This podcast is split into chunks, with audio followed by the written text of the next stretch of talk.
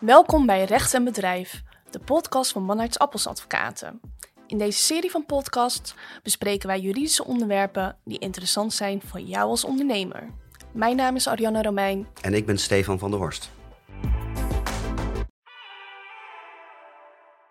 Deze vierde podcast gaat over concurrentie- en relatiebeding in het arbeidsrecht. Voor een werkgever kan zo'n beding een goede manier zijn om de bedrijfsbelangen te beschermen.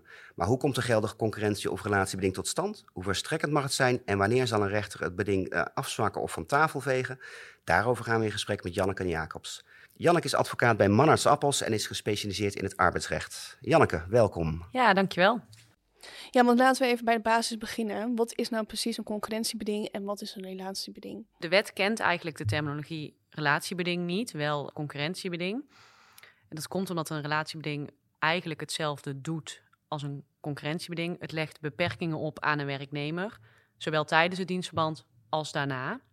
Dus het verbiedt je om nadat je bij je werkgever weg bent gegaan, ongeacht de manier waarop dus, om op een bepaalde manier werkzaam te zijn. Je mag niet naar de concurrent. Dat is wat een, een concurrentiebeding je verbiedt. En een relatiebeding legt zo'nzelfde soort beperking op, maar dan ten aanzien van relaties. Dus je mag niet zomaar bij relaties in dienst treden of je mag geen contacten hebben met die relaties. Ja, dan hebben we het over relaties van de werkgever. Hè? Ja, precies. Duidelijk te zijn. Want hoe komt een geldig concurrentiebeding in het arbeidsrecht tot stand? Daarvoor moet het eerst en vooral schriftelijk zijn. Dus je kan niet mondeling, je kan in principe een mondelinge arbeidsovereenkomst sluiten. Dat kan, dat hoeft niet per se op papier. Maar een concurrentiebeding moet schriftelijk zijn om geldig te zijn. Het moet ook met een meerderjarige werknemer overeen zijn gekomen. En daar kan je over discussiëren of dat een 16-jarige of een 18-jarige werknemer uh, moet zijn. Ik zou zelf altijd zeggen, met een 16-jarige werknemer hoef je volgens mij geen concurrentiebeding te sluiten. Dus doe het pas als een werknemer 18 jaar of ouder is. Maar dat is wel een van de vereisten, een meerderjarige werknemer. Maar laat de wet dat in het midden, of het 16 of 18 moet zijn? In principe staat in de, in de wet in het arbeidsrecht dat een 16-jarige werknemer al meerderjarig is voor het arbeidsrecht. Maar je kunt erover discussiëren of dat voor het, uh, voor het concurrentiebeding ook geldt. Ja, ja het, het, zal er dan ook sneller onderuit gaan misschien. Uh. Precies. Oké. En een derde vereiste is uh, onbepaalde tijd, toch? Ja, precies. Dat in principe in een onbepaalde tijd contract moet staan, dus in een vast contract. Ook daar is wel weer een uitzondering op, maar dat is wel het uitgangspunt. Oké, nog even over dat uh, schriftelijkheidsvereiste. Hè? Je zei net, het hoeft niet in, in een arbeidsovereenkomst, hoeft niet schriftelijk uh, te zijn, maar een concurrentiebeding wel. Dus dat kan je in een arbeidsovereenkomst opnemen of in een, uh, hè, een speciale bijlage, een brief. Maar ik neem aan, de, hè, de werknemer moet wel zeggen, ik ben daarmee akkoord. Dus je moet wel een handtekening hebben. Precies, dat, dat is eigenlijk wat de wet probeert te regelen. De werknemer moet wel weten wat hij tekent. En moet daarover nagedacht kunnen hebben, moet het hebben kunnen lezen en nou ja, kunnen hebben bedenken, ben ik hiermee akkoord, ja of nee. Dat is ook de voornaamste reden waarom het schriftelijk moet zijn. Bij voorkeur regel je dat gewoon in de arbeidsovereenkomst zelf, want dat is wel zo duidelijk, dan staat alles bij elkaar. Maar het zou inderdaad ook in een losse brief mogen, het zou in een, in een bedrijfsreglement mogen. Maar je moet als werknemer heel duidelijk instemmen. Dat hoeft niet per se een handtekening te zijn, maar de instemming moet wel expliciet zijn. Je hebt bijvoorbeeld een zaak gehad bij een rechter waar de werknemer in de e-mail, uh, die had gereageerd op de e-mail waar de arbeidsovereenkomst bij zat. En die had teruggestuurd, ik ben in principe akkoord, maar ik heb hier en hier nog wat vragen over. Daarvan zegt de rechter gewoon, dat is niet voldoende. In principe akkoord is niet akkoord. Nee, precies. En uh, je ziet het ook niet in een uh, CAO, hè? Nee, dat mag niet inderdaad. Want Nee. dat, ja, zo'n CAO geldt vaak automatisch. Dus dan heeft zo'n werknemer daar dus niet over na kunnen denken. Ja, dus waar het om gaat is dat de werknemer ehm, het goed het moet kunnen hebben gelezen eh, en tot zich hebben laten doordringen. En dat het een welbewuste keuze is om daarmee in te stemmen. Ja, precies. Want dat, we hadden het in het begin over misvattingen. Dat is ook wel een misvatting vaak. Dat mensen denken, het stelt niet zoveel voor. En ik teken dat wel, maar achteraf valt het vaak wel mee. Dat is dus niet zo. Als je het tekent, ben je wel gewoon gebonden aan dat concurrentiebeding. Ook na einde van de arbeidsovereenkomst. En daarom moet je daar ook goed over na kunnen denken. Ja, en dan, het is dan eigenlijk ook wel het probleem van de werknemer, hè? Want je bent er gewoon aan gebonden. Wil jij er van af? Ja, dan zal je toch waarschijnlijk naar de rechter moeten. Precies, die bal ligt dan bij de Ja. werknemer. Jij wil naar een concurrent. En de werkgever zegt gewoon, je hebt een concurrentiebeding, dus je mag het niet. Dan moet de werknemer in principe aan de bak. Of je denkt, ik loop het risico en ik kijk wel of mijn, mijn oude werkgever wat doet. We zeiden net al ehm, dat een concurrentiebeding in een arbeidsovereenkomst voor onbepaalde tijd moet staan. Maar je mag het ook opnemen in een arbeidsovereenkomst voor bepaalde tijd. Dat klopt. Het mag wel. Eh, het uitgangspunt is dat je dat niet doet, maar het mag wel. Maar dan moet je als werkgever wel heel duidelijk opschrijven en motiveren waarom je het in zo'n tijdelijke arbeidsovereenkomst wil hebben. Want we hadden het in het begin al over dat het echt wel beperkingen oplegt aan een werknemer. En dat het dus ook blijft gelden als je, als je wordt ontslagen of als je contract niet wordt verlengd. En als je maar een jaar bijvoorbeeld met een tijdelijk contract bij een werkgever hebt gewerkt, dan is het natuurlijk helemaal beperkend als je dan na een jaar je contract wordt niet verlengd en je hebt nog een concurrentiebeding. Dus dan zegt de wet wel, je moet als werkgever echt motiveren waarom zo'n concurrentiebeding in een tijdelijke arbeidsovereenkomst thuis hoort. Ja, het moet wel een redelijk doel dienen. Ja, en, en aan die motivering worden ook echt strenge eisen gesteld. Het is niet, niet voldoende als je als werkgever bij iedere werknemer opschrijft. Ja, deze werknemer heeft veel contact met, met relaties of die kent, uh, die kent de prijzen. Dus dan is het eigenlijk ook wel de tip aan de werkgever van uh, laat je daarover adviseren of schrijf dat goed op. En uh, bekijk dat per werknemer. Zeker. En hoe zit het dan als jij een arbeidsovereenkomst voor bepaalde tijd, nou die, die houdt dan op en een werknemer is dan voor onbepaalde tijd in dienst. Wat gebeurt er dan met het concurrentiebeding?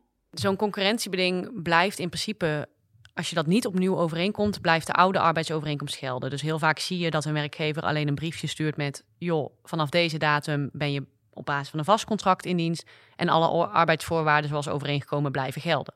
Dat is best wel vaag. Je kan sowieso al twisten of het concurrentiebeding dan nog blijft gelden. Maar je geldt ook, je gaat nog steeds uit van het concurrentiebeding in het, in het tijdelijke contract, waar dus die hele zware motiveringseisen aan gelden. Dat geldt helemaal niet meer bij een vast contract. Dus stel je hebt die motivering toch niet helemaal goed opgeschreven, dan kan je dat nog steeds bij een vast contract onderuit halen. Daarvan zegt de rechter dan nog steeds: je hebt in een tijdelijk contract niet goed opgeschreven, dus het is geen geldig concurrentiebeding. Dus ik zou altijd, als je een vast contract aangaat, opnieuw dat concurrentiebeding overeenkomen. Want dan kun je heel die motivering weglaten. En dan weet je zeker dat je een geldig concurrentiebeding opschrijft. Ja, dus de verlenging uh, of, of, de omzetting naar een onbepaalde tijd, dat repareert eigenlijk niet het gebrek dat er eerst uh, was. Nee, precies. Als je dat niet uh, opnieuw opschrijft, dan blijft een eventueel gebrekkige motivering blijft in stand. Oké. En, en zijn er meerdere wijzigingen in de arbeidsrelatie waarbij je eigenlijk een concurrentiebeding helemaal opnieuw moet overeenkomen? Ja, bij echt grote wijzigingen in de arbeidsovereenkomst zou ik het altijd opnieuw overeenkomen. Gewoon vanwege dat schriftelijkheidsvereiste, waardoor je daar discussie over kan krijgen. Dus mocht je een, een tijdelijke arbeidsovereenkomst verlengen of omzetten of wat dan ook, altijd opnieuw overeenkomen. Maar dat geldt ook als een werknemer echt een wezenlijk andere functie gaat doen. Of bijvoorbeeld het bedrijf wezenlijk verandert, dat het samengaat met een ander bedrijf. Daarvan, uh, dat is geen regel uit de wet, maar dat is een regel die de, uit de rechtspraak volgt.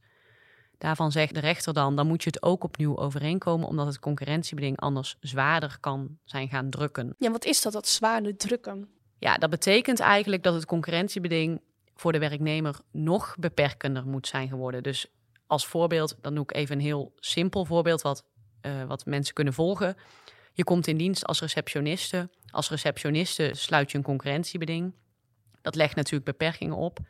Maar er zijn ook nog zatbanen waar je als receptioniste aan de slag zou kunnen gaan. Want er zijn natuurlijk heel veel bedrijven, ook buiten de branche, waar je aan de slag kan. Maar stel je groeit door tot sales manager. Hele andere functie, nog steeds datzelfde concurrentiebeding. Dan is het veel moeilijker al, want je, hebt, je bent gespecialiseerd in de sales in die branche waarin je werkt.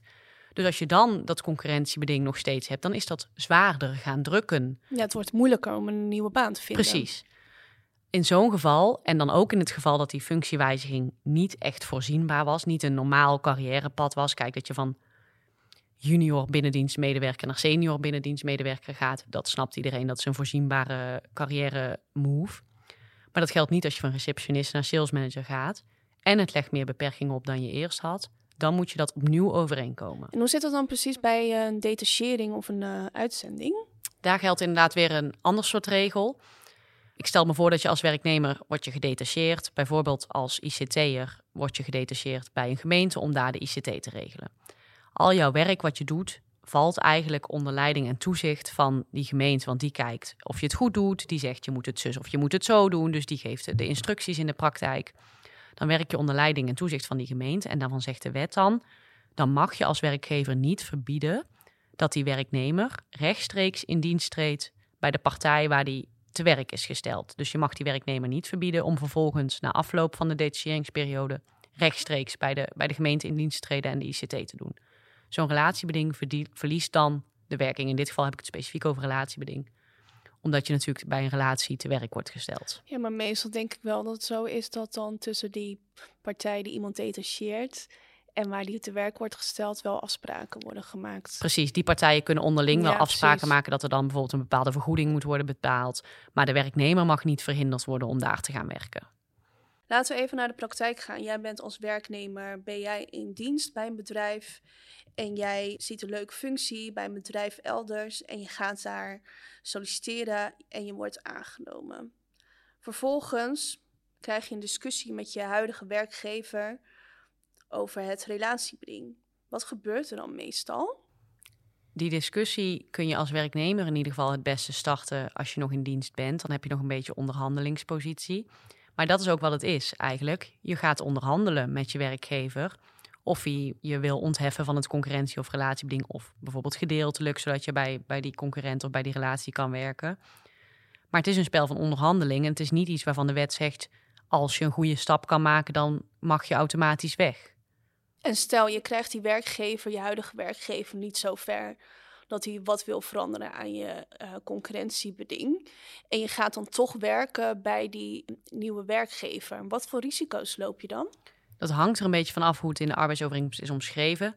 Vaak wordt er op een concurrentiebeding een boetebepaling eh, gekoppeld, wordt daar aan een boetebepaling gekoppeld. En in dat soort gevallen gaat dus automatisch die boete lopen als je het concurrentiebeding overtreedt. Dan staat er bijvoorbeeld in je arbeidsovereenkomst per overtreding eh, moet je een boete betalen van 2500 euro. En voor iedere dag dat je in overtreding bent, moet je nog eens 500 euro per dag betalen. En dan is het natuurlijk met betalen, dat ga je natuurlijk niet uit jezelf doen. Daarmee wacht je tot, een, tot je ex-werkgever je aanschrijft. hey, jij bent in overtreding en wil je mij de boete betalen? Dus dat is het risico dat je dan loopt, dat die werkgever je daarvoor aanspreekt. Ja, en die werkgever die kan dan ook jouw nieuwe werkgever natuurlijk aanspreken dat hij profiteert van dat jij je concurrentiebeding overtreedt. Dat kan, daarvoor moet die nieuwe werkgever dan eigenlijk wel weten dat je dat aan het doen bent. Anders kun je ook niet echt profiteren. Maar het kan inderdaad zo zijn dat ook je nieuwe werkgever wordt aangesproken. Ja, en dan zou je als werkgever een kort geding starten om ervoor te zorgen dat jouw werknemer ja, niet meer overtreedt en al die boetes. eh, Ja, dat hij nakomt. Dat hij gewoon de, de arbeidsovereenkomst nakomt. En dat betekent niet werken bij de concurrent. En als je dan toch een procedure start, vraag je inderdaad ook: wil je dan de boetes gaan betalen? Ja, en als je dit, dat als werkgever dus wint, heb je als werknemer wel een probleem. Want je nieuwe baan ben je dan kwijt. Je hebt en een boete. En je bent er dan nog vervolgens waarschijnlijk nog een tijd aan gebonden ook. Precies, als zo'n concurrentiebeding bij de rechter stand houdt, dan moet je die boetes betalen. Dat zijn geen kleine bedragen. Dan, als je al twee maanden aan het werk bent en je betaalt 500 euro per dag, reken maar uit. Dan hebben we het over serieuze bedragen. Dus dat zijn wel risico's die je loopt. Je kan zo'n rechter als werknemer dan wel vragen: wil je die boete matigen? Maar dan moet je wel redenen geven waarom dat redelijk is in dit geval. Ja, en nog even over de rijkwijd van het concurrentiebeding. Want je leest ook vaak, ja, het is eh, voor een periode van drie jaar. Wat vind jij daar dan meer van? Of wat zegt de rechtspraak daarover? In het geval van het arbeidsrecht is drie jaar eigenlijk echt te lang. Voor een concurrentiebeding onder omstandigheden zou het twee jaar kunnen zijn, maar is eigenlijk de regel dat één jaar voldoende is. En dat is ook wel, dat kun je ook wel volgen, want wat weet jij na anderhalf jaar nou nog van jouw ex-werkgever wat je bij de concurrent nog kan inzetten? Want daar gaat het eigenlijk om. Je ex-werkgever beschermt wat jij allemaal weet. Na anderhalf jaar, ja, hoe relevant is het nog? De prijzen zijn gestegen, de klanten zijn veranderd. Wat weet je nou eigenlijk nog? Dus de rechtspraak zegt voor een concurrentiebeding vaak één jaar. Voor een relatiebeding kan dat wel wat eerder twee jaar zijn, maar ook echt niet langer dan dat eigenlijk. Nee, en ook die geografische rijkwijde. Er staat ook meestal in, je mag niet in heel Nederland. Wat- Ja. ja. Ja, dat kan bijna niet, tenzij je natuurlijk echt bij een landelijk opererend bedrijf werkt. Dan kan zo'n werkgever er wel belang bij hebben. Ook al werkte je eerst vanuit Amsterdam en ga je nu uit Maastricht werken. Als je vorige werkgever ook in Maastricht diensten aanbood, dan kan daar natuurlijk een belang zitten. Maar anders is heel Nederland. Je kan iemand niet verbieden een nieuwe baan te vinden in dezelfde branche. Dus daarvan wordt dan vaak gezegd dat mag bijvoorbeeld tot, tot 50 kilometer rondom het vorige bedrijf, dat soort dingen. Ja, dus jij raadt eigenlijk ook aan om de geografische rijkwijde op te nemen van 50 kilometer max. Ja, zoiets. Behalve dus als omstandigheden zeggen van ik werk in heel Nederland, dus dan kan het redelijk zijn om heel Nederland op te nemen. Moet je wel uitleggen in zo'n geval. Maar wil je zo min mogelijk risico lopen als werkgever en dus een geldig concurrentiebeding opschrijven, dan zou ik zeggen beperk het tot één jaar en beperk de geografische rijkwijde tot 30, 40, 50 kilometer rondom het bedrijf. Want dat kan een werknemer nog wel rijden, in feite. Precies. Ja. Ja. dan heb je natuurlijk het risico dat je op 51 kilometer gaat zitten. Maar Maar zeg je nou eigenlijk ook, ehm, je kan beter als werkgever maatwerkbeding aanbieden, bij voorbaat, om achteraf eh, niet het risico te lopen dat er eh, door de rechter aan gemorreld wordt? Ik zou dat zelf wel doen. Ik ben er niet zo'n fan van zelf om maar standaard in ieder, iedere arbeidsovereenkomst met iedere werknemer een concurrentiebeding op te nemen voor heel Nederland. Want dat ga je toch niet redden bij de rechter. Het levert iedere keer als iemand gaat discussies op. Of iedere keer als iemand gaat, geef je toch al een stukje weg. Dat zou ik niet doen. Ik zou gewoon voor een reëel en redelijk concurrentiebeding kiezen. Kijk, als werkgever wil jij ermee bereiken dat iemand niet er vandoor gaat met de informatie over jouw bedrijf, waardoor jij daar vervolgens schade van kunt leiden. Maar het moet denk ik niet zo zijn dat een concurrentiebeding voor is dat je iemand bindt om, eh, aan jou bindt, dat diegene bij jou blijft werken. Ja, dat klopt inderdaad. Een concurrentiebeding is echt alleen maar bedoeld om je belangen te beschermen. En er zijn eh, meerdere rechters geweest die hebben gezegd: een relatie of concurrentiebeding is niet bedoeld om je werknemers aan je te binden. Dus het komt uiteindelijk gewoon neer op een belangenafweging, zoals we die, die eigenlijk heel vaak eh, zien. Wat zou er nou een, een belang zijn van de werkgever, eh, wat, wat geconcretiseerd in die bedrijfsbelangen, waar die op zou kunnen winnen in een, in een rechtszaal? Ja, dan kom je inderdaad, we hebben het net gehad over de situatie waarin de werkgever een procedure start. Maar je kan als werknemer ook een procedure starten als je weggaat en naar een concurrent wil. En dan ga je naar de rechter en dan vraag je eigenlijk: wil je een deel van dit concurrentiebeding vernietigen of het hele concurrentiebeding vernietigen? En dan gaat er een rechter gewoon de belangen tegen elkaar afwegen. Welk belang heeft de werknemer, welk belang heeft de werkgever? En zo'n belang van de werkgever kan echt zijn dat je echt in een specifieke branche zit waar jij eh, veel eh, klanten bedient. Goodwill. Ehm, het kan zo zijn dat jij de werknemer helemaal hebt opgeleid in een bepaalde branche. Dus dat een werknemer bij jou is komen werken, eigenlijk geen flauw idee had. En bij jou alle cursussen en scholing heeft mogen benutten. Dan kan hij natuurlijk vervolgens niet. Kan het niet zo zijn dat zo'n werknemer heel eenvoudig naar de concurrent gaat met al die scholing en cursussen die bij jou zijn gevolgd. En welke argumenten spelen dan in het voordeel van eh, een werknemer bijvoorbeeld? Zo'n werknemer kan bijvoorbeeld aanvoeren dat de stap naar een concurrent echt een wezenlijke verbetering is, doordat hij daar echt een hogere functie krijgt, terwijl hij bij zijn eigen werkgever uitgegroeid is. Dat hij aanzienlijk meer salaris krijgt. Dat uh, persoonlijke omstandigheden, bijvoorbeeld dat dichter bij huis is, dat soort zaken kunnen allemaal meewegen. En je hoort vaak uh, het uh, arbeidsrecht, dat is uh, pro-werknemer eigenlijk. Of rechters zijn pro-werknemer over het algemeen, want dat is een wat zwakkere partij. Ik zeg het iets te simpel hoor. Um, maar um, zie je bij een concurrentiebeding dat rechters ook best wel hard kunnen zijn van ja, je hebt het wel, wel bewust getekend. Dus dan moet je nu niet zeuren dat je iets beperkt wordt in je mogelijkheden. En er zijn nog andere mogelijkheden om je carrière voor te zetten. Ja, ja dat zie je zeker. Dat is ook wat we in het begin bespraken. Het moet schriftelijk zijn, zodat zo'n werknemer daarover na heeft kunnen denken. Dat betekent dus ook dat je daar in principe aan gehouden bent. Dus je moet als werknemer met goede argumenten komen waarom dat in dit geval niet redelijk is. Dat kan eerder aan de orde zijn als, als zo'n concurrentiebeding dus veel te breed of veel te lang is. Maar als het een redelijk concurrentiebeding is, wat je hebt getekend, dan moet je als werknemer van goede huizen komen om dat van tafel te krijgen. Nog even naar het relatiebedingen. Als jij zegt van nou, ik wil niet dat, die nieuwe werk, dat mijn werknemer in zijn nieuwe dienstbetrekking contact op gaat nemen met mijn relaties. Dan heb jij toch als werkgever ook echt wel moeilijk om dat te gaan bewijzen. Want hoe moet je dat bewijzen? Dat klopt inderdaad. De, werkne- de werkgever moet dan wel gaan bewijzen dat je dat relatiebeding hebt overtreden. Datzelfde geldt overigens, daar hebben we het nu niet over, maar bij een geheimhoudingsbeding. Bewijs maar eens dat dat is overtreden. Dat is heel lastig. Maar je merkt soms wel dat goede relaties van een werkgever bijvoorbeeld even doorgeven. Joh, jouw oud-werknemer heeft mij benaderd. En in dat soort gevallen ligt het natuurlijk snel vast. Ja, en uh, in het verlengde daarvan, hoe zit het dan precies met LinkedIn? Als jij dan met LinkedIn een connectie hebt met de relatie van jouw werkgever. Vaak is alleen een connectie hebben of alleen een connectieverzoek sturen niet genoeg om het relatiebeding te overtreden. Want welk, welke schade leid je daar als werkgever nou mee dat zij vriendjes worden op LinkedIn, zal ik maar zeggen. En als jij nou uit dienst gaat ergens en je stuurt naar al jouw klanten, bedankt voor de fijne samenwerking en ik ga daar en daar werken. Hoe zit het dan? Dan kom je al in een wat grijzer gebied. Ja. Dat op zich is denk ik nog niet het overtreden. Maar als je daarbij zegt, ik ben daar en daar ook verantwoordelijk voor de sales en eh, bel me gerust, dit is mijn nieuwe nummer. Ja, Ja, precies. dat mag natuurlijk niet zomaar. We hebben het nu alleen maar over de situatie dat je een concurrentiebeding eh, hebt. Hè, dat het echt staat eh, opgenomen ergens.